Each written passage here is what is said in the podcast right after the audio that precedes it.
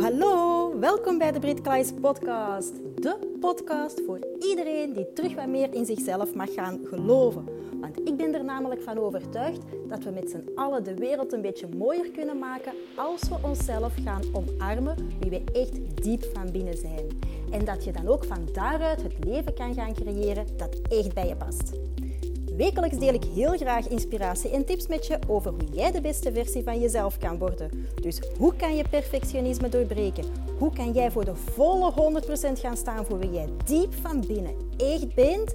En ben je ook wel benieuwd naar mijn verhaal? Dan zit je hier alvast goed. Ik heb er heel veel zin in. Veel luisterplezier!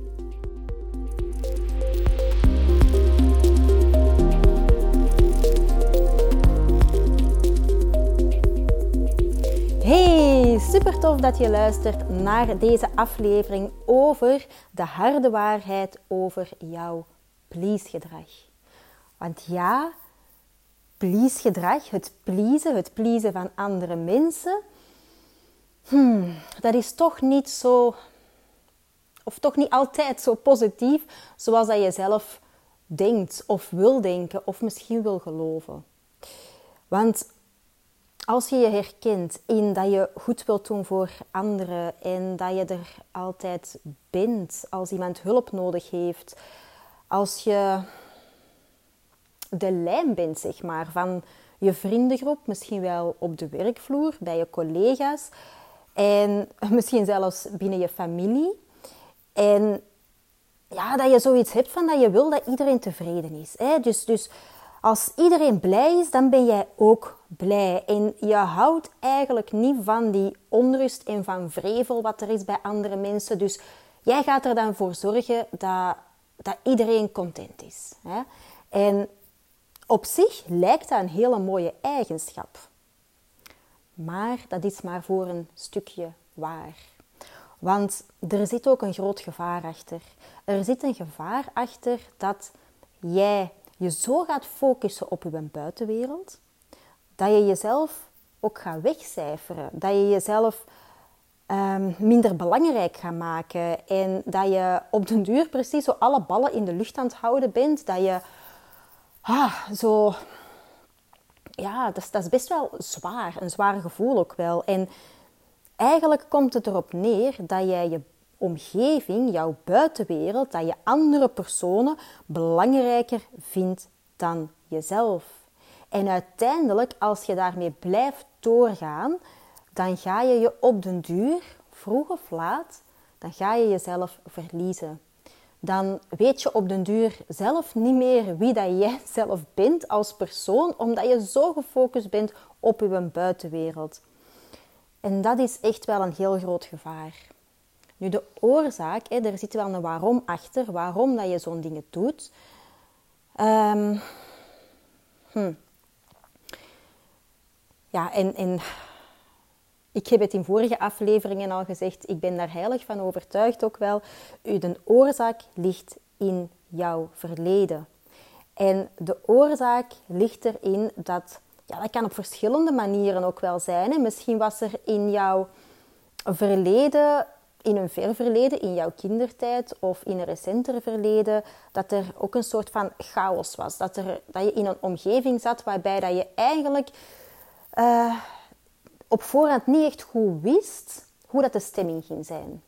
En ik heb het helemaal niet over de basisnoden van iedereen. Ik heb het niet over um, een basisnoden over een dak boven je hoofd. Ik heb het niet over um, Ehm, dat er genoeg eten was. Of, of het, het, dat kan natuurlijk ook een oorzaak zijn, maar het hoeft zelfs niet zo extreem te zijn. Het kan ook zijn dat er, ja, dat er op emotioneel vlak onrust was in jouw omgeving. Dat je eigenlijk niet echt goed wist wat de stemming ging zijn van de personen waarin dat jij, um, of waarbij dat jij voornamelijk vertoefde dat kunnen je ouders zijn, dat kan familie zijn, dat kan in een schoolsfeer zijn. Ehm, in een later um, tijdstip in je leven kan dat zijn in een bepaalde relatie. Dat kan zijn um, op, op de werkvloer ergens, dat je een job hebt gehad waarbij dat, dat zo was. En waarbij dat je eigenlijk heel veel onrust dan ook wel had. Je wist op voorhand niet echt goed ehm, hoe, hoe de mensen zouden zijn, of mens of mensen, uh, één of meerdere personen. En dan ging je die beginnen afscannen, onbewust eigenlijk. Begin je dat gewoon te doen, uh, zodat je jezelf dan al kon gaan aanpassen aan de stemming van dat moment. Nu, en wat gebeurt er dan ook wel? Dat je, ja, je hebt die onrust, hè, zoals ik zei, hè, en, en je kon eigenlijk maar pas rust vinden als er in je omgeving rust was. Of misschien zelfs nog. Hè. Misschien kan je nu zelfs ook nog maar enkel rust ervaren in je leven als alles in jouw omgeving rustig is. En als je in een soort van chaos bent, dan, dan vind je die rust niet. Je kan die innerlijke rust eigenlijk niet vinden binnen een chaotischere omgeving. Dus je voelsprieten die gaan naar buiten gericht zijn. Je gaat continu bezig zijn met jouw omgeving. Dus op een al dan niet onbewust niveau. En, en in het begin kan dat misschien wel zijn dat je daar bewust mee bezig was, maar dat sluipt er zo in. Dat wordt zo'n gewoonte en dat is een automatisme geworden. Dus daarom dat dat ook onbewust zich blijft doorspelen tot op de dag van vandaag. Dus onbewust ga jij je omgeving belangrijker maken dan jezelf. Sterker nog, onbewust ga jij meer waarde hechten aan jouw omgeving dan dat je waarde hecht aan jezelf. En je hebt ook bepaalde dingen vanuit jouw omgeving dan nodig, maar echt nodig, omdat je dat, ja, omdat je dat niet kan vinden binnenin jezelf. Zoals die rust waarover ik sprak. Maar dat kunnen nog andere dingen zijn. Hè? Dat kan ook bevestiging zijn, dat kan ook liefde zijn. En als je gaat beginnen, of als je please gedrag hebt, dan ga je ook mm, vanuit een soort van angst leven. En vanuit die angst ga je ook controlerend gedrag vertonen.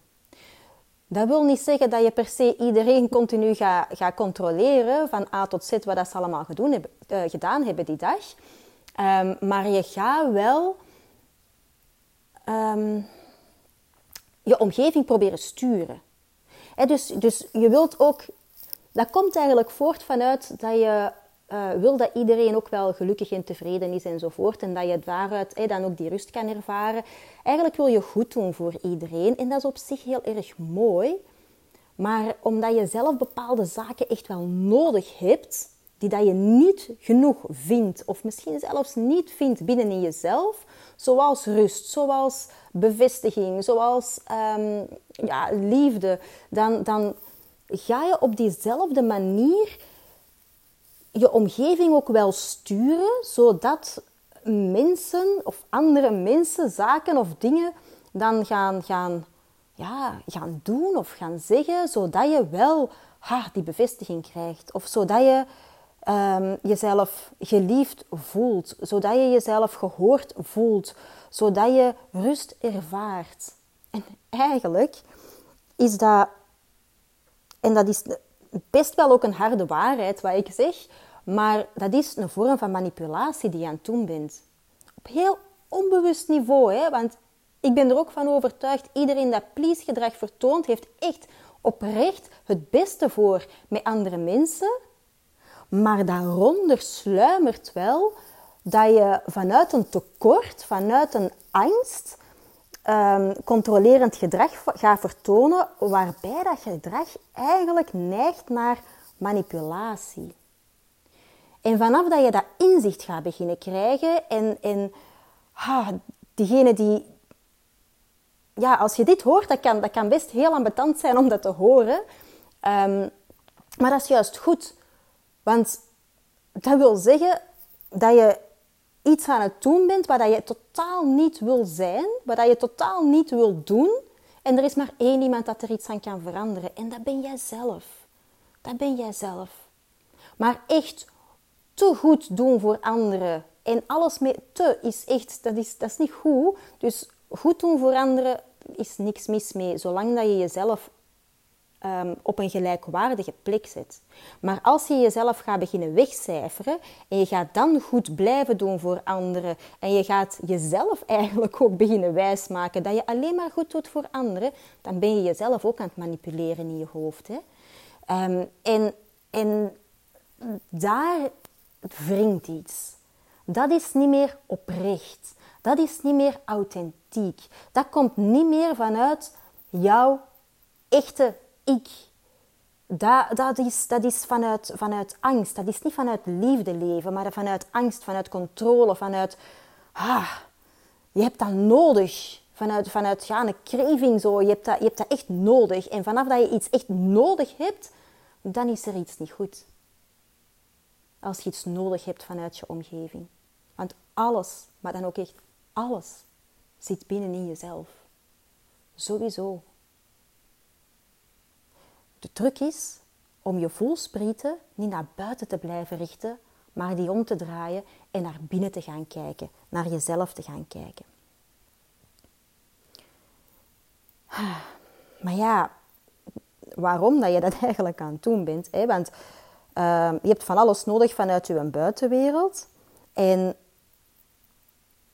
als je voelsprieten heel lang naar buiten gericht zijn, misschien al jaren, misschien al vanuit je kindertijd tot op de dag van vandaag, dan, zoals ik daar net zei in het begin van deze aflevering, je verliest jezelf ook. Je kent jezelf niet echt niet meer, omdat je te weinig aandacht besteedt aan jezelf. En het is zo noodzakelijk om ook aandacht te besteden aan jezelf, om ook te blijven ontdekken wie dat je bent en wat dat je nodig hebt. En, en je verandert continu. Hè? Je, bent, je bent een levend wezen, je bent continu in beweging. Dus, dus dat is niet dat je een aantal jaren geleden het besluit had genomen van ik heb dat en dat en dat nodig en ik ben zus en zo, dat dat vandaag de dag nog altijd is. Nee, dus blijf gewoon ook curieus naar jezelf en blijf jezelf, um, ja,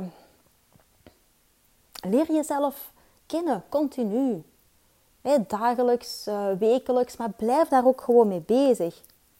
Maar het spijtige is, als jij je voelsprieten continu naar buiten gaat richten en dat je anderen belangrijker gaat vinden dan jezelf, dat je dus van die gelijkwaardige plek bent gestapt en dat je een stapje lager of een trapje lager bent gaan, gaan uh, staan, of misschien een aantal treden lager bent gaan staan, ja, dan neem je ook de tijd daar niet voor dan kan het zijn dat er, dat er, ja, dat er iets is en dat je altijd dat iets belangrijker gaat maken dan jezelf. Ja, nee.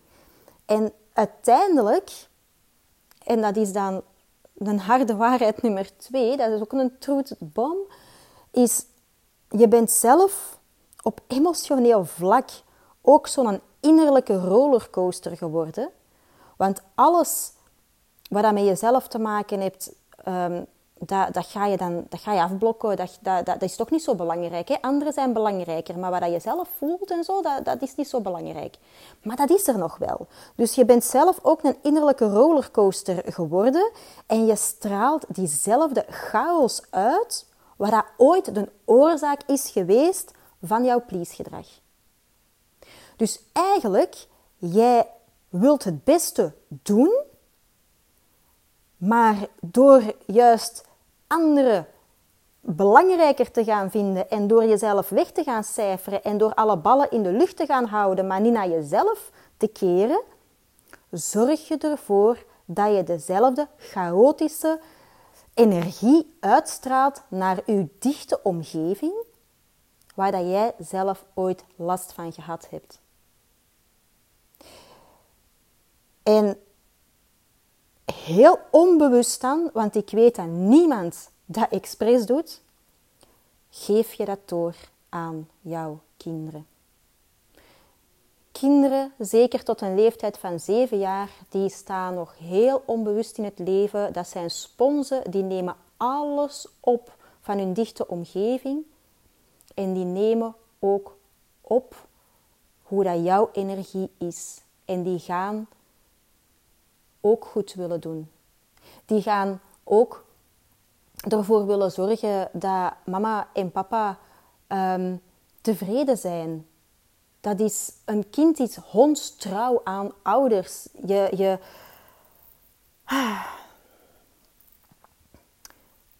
Kinderen gaan er automatisch voor zorgen dat ze ook beginnen afscannen, zodat zij zich kunnen gaan gedragen of, of dingen kunnen gaan zeggen, waarbij dat de mama of de papa ook ja, zich gehoord voelt, zich gezien voelt, zich geliefd voelt, ehm, rustig wordt, tevreden is. En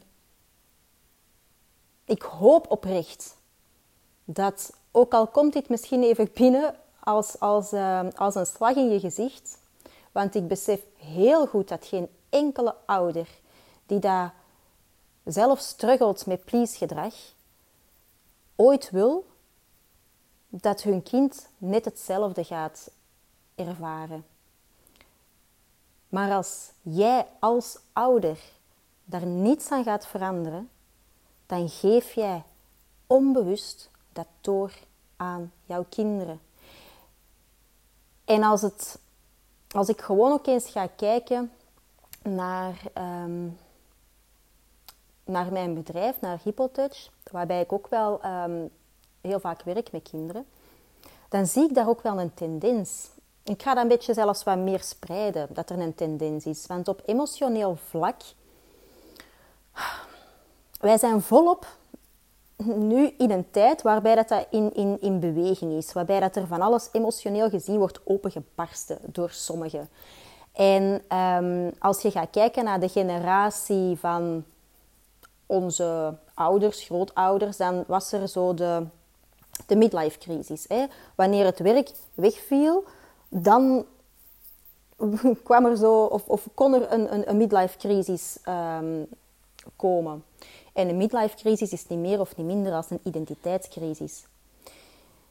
En dat was vroeger, jaren geleden, vooral gelinkt aan het feit dat er iets heel belangrijks was toen. Hè, dat was werk. We waren dan ook nog in een tijd dat dat, dat, dat super belangrijk was. Um, omdat we na de wereldoorlogen, hè, heel de economie moest terugdraaiende komen en zo verder. Hè, maar um, dat viel weg. En als dat belangrijk stuk wegviel, ja, dan werd, werden de mensen een beetje geconfronteerd met zichzelf. Of dat kon ook gebeuren wanneer dat de kinderen uit huis uh, gingen. En, want werkgericht was dan vooral voor de man. Hè. Kinderen uit huis, dat was dan vooral voor de vrouw. Als de kinderen uit huis waren, dus eigenlijk alles waar dat de wereld rond draaide, toen voor de vrouw, viel weg. En dan, oeh, even geconfronteerd worden met zichzelf. Als we gaan kijken naar de generatie van mezelf, ik ben 40 jaar, dan merk ik op dat er heel veel burn-outs zijn in mijn generatie. En burn-outs, allemaal zo, ja, of toch heel veel, tussen de, of rond de 35 pakt. Hè? Zo, zo tussen, heel globaal gezien, pakt tussen de 30 en de 40 jaar zijn er burn-outs. Een burn-out is naar mijn mening ook een identiteitscrisis. Dat heeft niks te maken, volgens mij, met je werk. Dat heeft weinig te maken met dat je te, te, te hard aan het werken bent enzovoort. Je kan werk wel gebruiken als een soort van vlucht, maar burn-out is vooral voor mij iets wat te maken heeft met dat jij geen connectie meer hebt binnen in jezelf. En om dan terug te komen waarom ik dit aan het zeggen ben, um, wat mij nu ook wel opvalt bij de jeugd en de kinderen momenteel vandaag de dag, is dat het allemaal aan het verschuiven is. Het was al verschoven hè, van, uh, van pak pensioenleeftijd hè, naar, naar uh, zo gemiddeld pakt ongeveer een 35 jaar. Nu is het nog aan het verschuiven. Het, uh, de, er zijn echt nu vaker en vaker, meer en meer kinderen en jeugd die daar moe zijn, die daar op zijn, die daar een time-out nodig hebben van school. En voor mij heeft dat echt wel te maken met het feit... Weet je, wij zitten ook in een soort van systeem. Wij zitten in een systeem. Dus, dus het alles gaat van generatie op generatie wordt doorgegeven. En als er niemand is dat iets gaat doorbreken, dan, dan blijft dat elke keer zich maar herhalen. En ja, mij valt het echt wel op dat, dat, dat de soort van identiteitscrisis dat zich aan het verjongen is.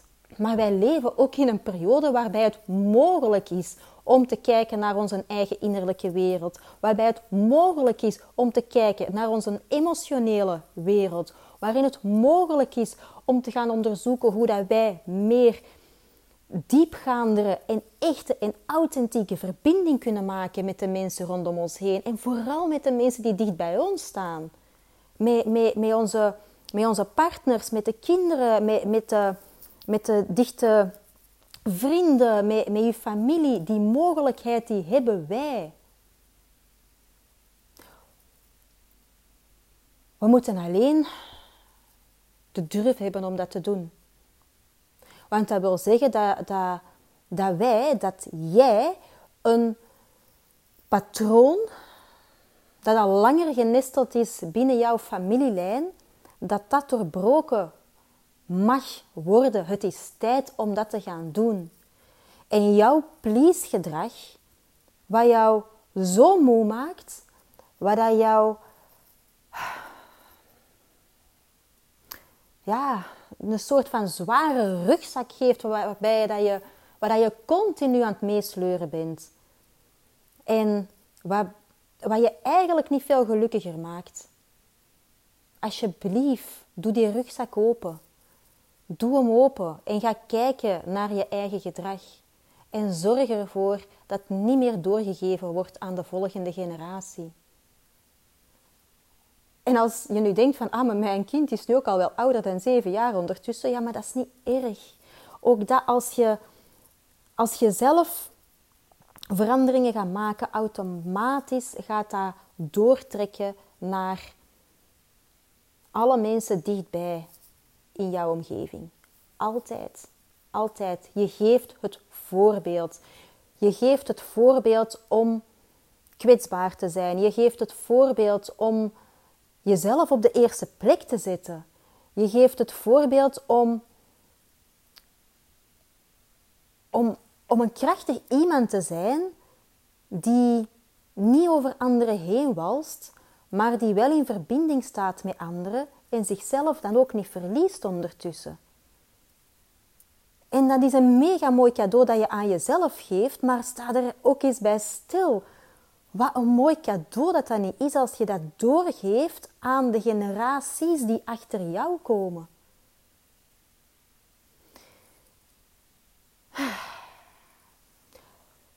Ja.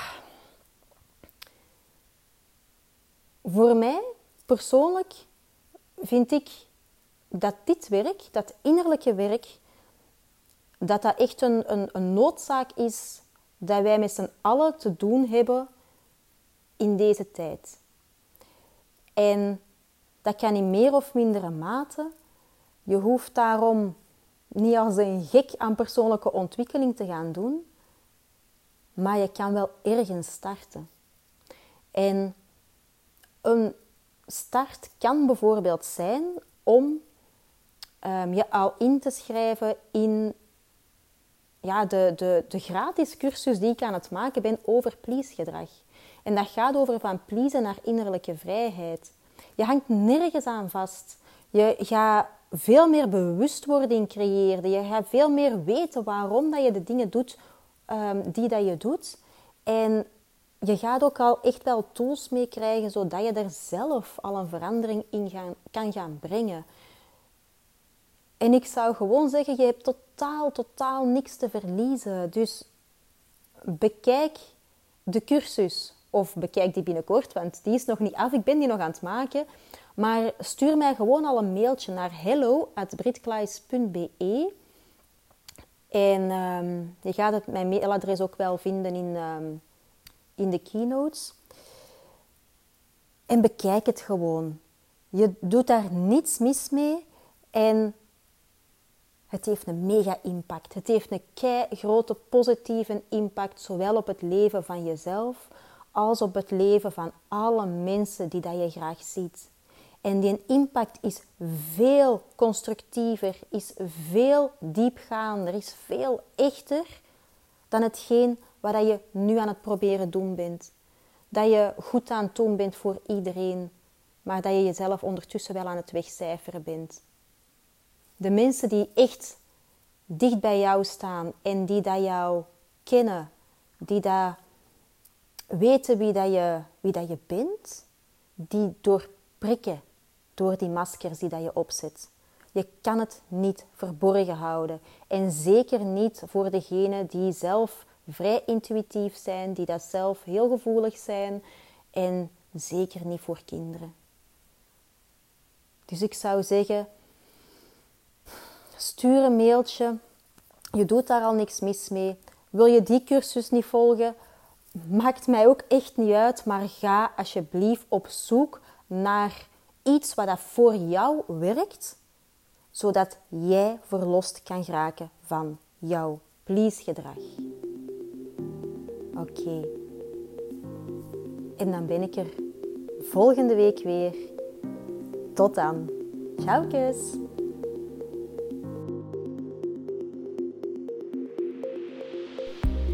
Hey lievekes, dankjewel voor het luisteren.